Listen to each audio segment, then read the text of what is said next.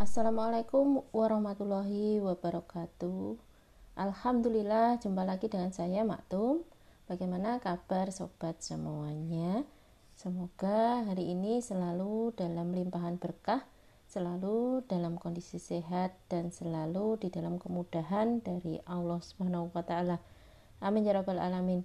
Ya, hari ini hari ke-7 yang kita akan membicarakan tentang amal dan insya Allah tujuh hari ke depan.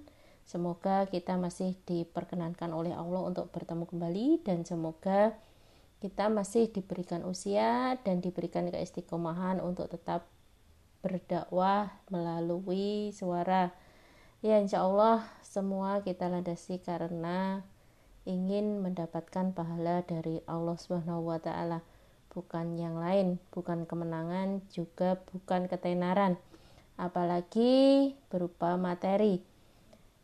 Teman-teman semua yang dirahmati Allah, semoga saya sendiri juga istiqomah meraih 30 hari dalam rangka menundukkan diri, membuat kebiasaan atau membuat habit baik dalam membuat podcast kali ini. Insya Allah, ya hari ini kita akan sedikit bermuhasabah tentang apa yang telah terjadi dan amalan apa yang sudah kita lakukan pada beberapa hari maupun beberapa bulan yang lalu bahkan beberapa tahun yang lalu.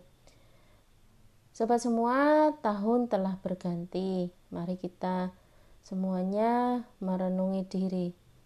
Mari sejenak kita menarik nafas, mengeluarkan segala apa yang ada di dada agar lega kita mengelus dada dan mempertajam indera.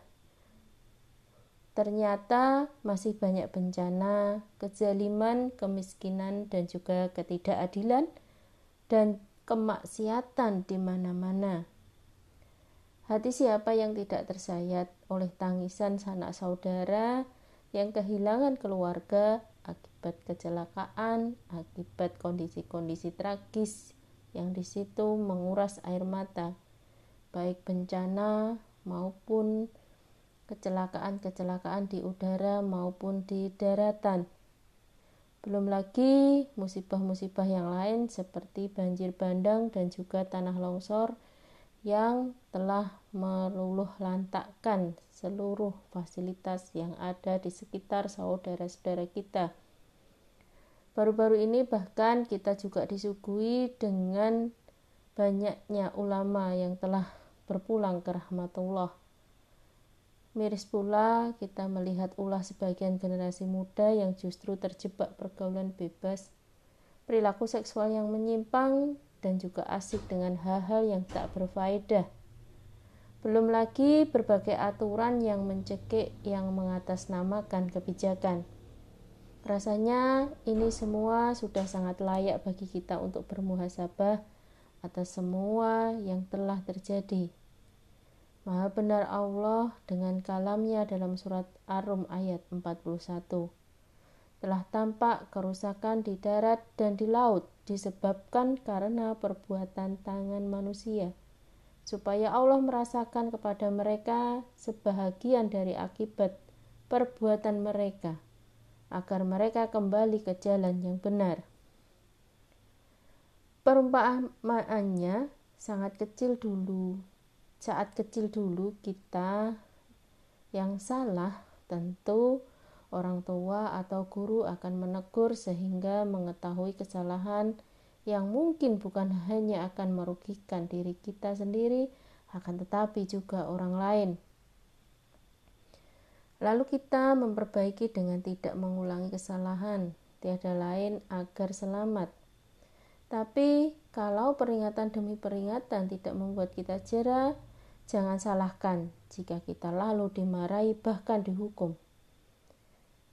Bagaimana jika kita bermaksiat kepada Allah ketika kita diperingatkan dengan ayat-ayatnya, lalu segera menyesali kesalahan atas kemaksiatan kepada Allah, lalu kita memperbaikinya, insya Allah kita akan selamat.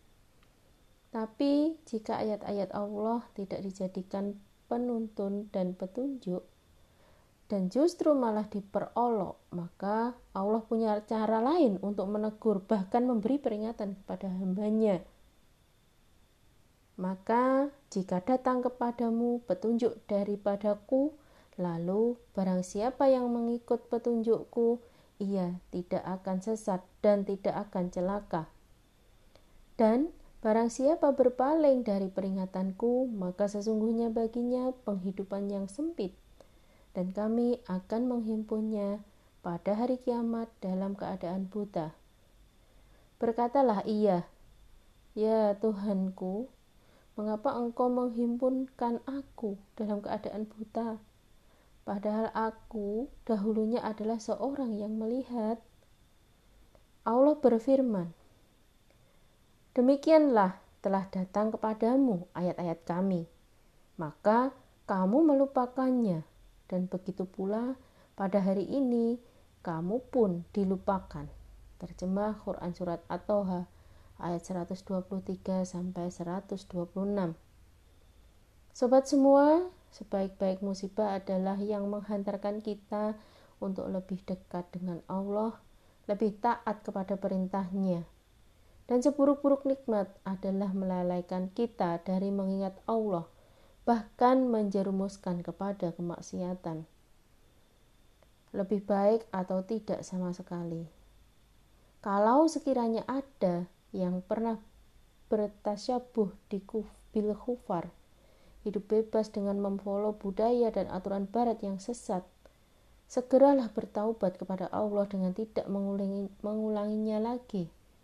Setelah itu, langkahkan hati dan dirimu untuk berhijrah menjadi manusia yang soleh solihah dengan mulai memperdalam ilmu agama dan mengamalkannya serta mendakwahkannya. Allah Subhanahu wa taala berfirman, "Dan bersegeralah kamu kepada ampunan dari Tuhanmu dan kepada surga yang luasnya seluas langit dan bumi yang disediakan untuk orang-orang yang bertakwa."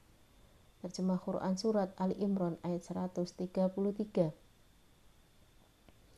Waktu memang begitu cepat bergulir, masa begitu cepat berganti. Setahun dilalui bagai sepekan, sehari dilalui bagai sekejap mata. Dan sayangnya, waktu yang telah pergi itu tidak akan pernah kembali. Kerugian yang amat besarlah jika masa yang hilang tidak menjadikan kita sosok manusia yang semakin taat, semakin soleh, dan semakin solehah. Teman, tentu cita-cita tertinggi kita adalah berada di surganya. Maka selama nyawa masih dikandung badan, bersegeralah memperbanyak amal soleh, lalu istiqomah dalam beramal soleh tersebut. Jangan sampai kita menyesal saat tiba masanya ruh kembali kepada pemiliknya, yakni Allah Subhanahu wa taala dalam Quran surat As-Sajdah ayat 20 ayat 12 Allah Subhanahu wa taala berfirman yang artinya dan alangkah ngerinya jika sekiranya kamu melihat orang-orang yang berdosa itu menundukkan kepalanya di hadapan Tuhannya. Mereka berkata, "Ya Tuhan kami, kami telah melihat dan mendengar, maka kembalikanlah kami ke dunia. Niscaya kami akan mengerjakan kebajikan. Sungguh, kami adalah orang-orang yang yakin. Sobat semua, tentu saja ini tidak akan bisa diulang dan tidak akan bisa kembali ke dunia. Sobat, ini adalah karya dari saudariku yang ada di kandangan, yakni Mbak Eva Liana, yang diracik pada tanggal 14 Januari 2021. Sobat semua, dalam karya ini mengingatkan kepada kita bahwa inti dari seluruh yang kita lakukan adalah kita tetap beramal soleh. Kita mencari amalan-amalan yang di situ bisa membuat kita memiliki bekal kelak di akhirat kita istiqomah terus menjalankannya hingga nyawa yang dikandung badan diambil kembali oleh Allah Subhanahu wa taala Sobat semua, kita jadi ingat Imam Ibnu Kasir pernah berkata, Ibnu Taimiyah rahimakumullah telah wafat. Lalu aku menyingkap penutup wajahnya dan menciumnya. Ia memang tidak meninggalkan seorang pun anak yang soleh yang mendoakan dirinya. Namun, ia meninggalkan umat yang soleh yang selalu mendoakan dirinya. Sobat semua, dari sini kita bisa mengambilnya bahwa ketika kita tidak memiliki keturunan ketika kita tidak memiliki anak yang soleh. Tentu banyak hal yang harus kita syukuri di sisi lain. Namun demikian, tidak memiliki keturunan atau sebab tertentu itu bukanlah hal yang harus kita sesali. Karena tak selayaknya kita meratapi apa yang telah ditentukan oleh Allah Tentu saja kita harus berbuat kebaikan kepada orang lain agar ada orang-orang soleh yang selalu mendoakan kita. Orang-orang soleh tersebut tentu akan selalu mendoakan kita, meski kita sudah wafat. Saat keberadaan kita ketika hidup dirasakan manfaatnya oleh umat, itulah yang akan menjadi bekal kita pula karena itu, berbuat baik tidak hanya kepada sanak saudara, tetapi kepada seluruh manusia. Agar perbuatan soleh yang kita lakukan, amal soleh yang kita lakukan, yang nantinya dirasakan manfaatnya oleh umat, mereka bisa mendoakan kita ketika kita telah tiada, maupun ketika kita masih ada di dunia. Sobat yang dirahmati Allah, ketika kita ingin selalu didoakan oleh umat yang soleh, sudah selayaknya kita harus memberikan kontribusi bagi mereka. Entah itu dengan ilmu, dengan harta, ataupun apa yang kita miliki. Dengan keahlian yang kita punya, maupun dengan hal-hal lain yang kita bisa gunakan untuk berbuat kebaikan kepada umat. Tentu saja, sobat semua, di alam kapitalisme, sekularisme yang jahat ini, ilmu-ilmu dari sakofa Islam, ilmu-ilmu yang telah kita kaji dari Islam, pemikiran-pemikiran Islam, bisa kita tularkan kepada saudara-saudara kita agar tentunya kita memperoleh jariah pahala darinya selain doa dari orang-orang soleh di sekitar kita maupun orang-orang yang kita kenal. Sobat semua yang dirahmati Allah, semoga kita semua diistiqomahkan di jalan kesolehan, di jalan kebaikan, di jalan yang tentu saja diridhoi oleh Allah Subhanahu wa taala. Sobat semua, karena tujuan kita tertinggi adalah surganya. Mari kita terus berjalan di atas rel kereta atau yang di situ berjalan di atas syariahnya. Jangan sampai kita terlena, jangan sampai kita tolah-toleh melihat indahnya dunia yang bisa mengalihkan perhatian kita padanya. Sobat semua, tentu saja dunia tidak bisa kita lepas. Karena itu, kebijakan kita untuk tetap berada di jalan Allah Subhanahu wa taala untuk kita bisa menghadapi dunia ini dan kita terhindar dari kenikmatan dunia yang sifatnya sementara, yang sifatnya hanya sebagai pemanis saja yang di situ justru kita akan dimintai pertanggungjawaban atas apa yang kita lakukan di dunia.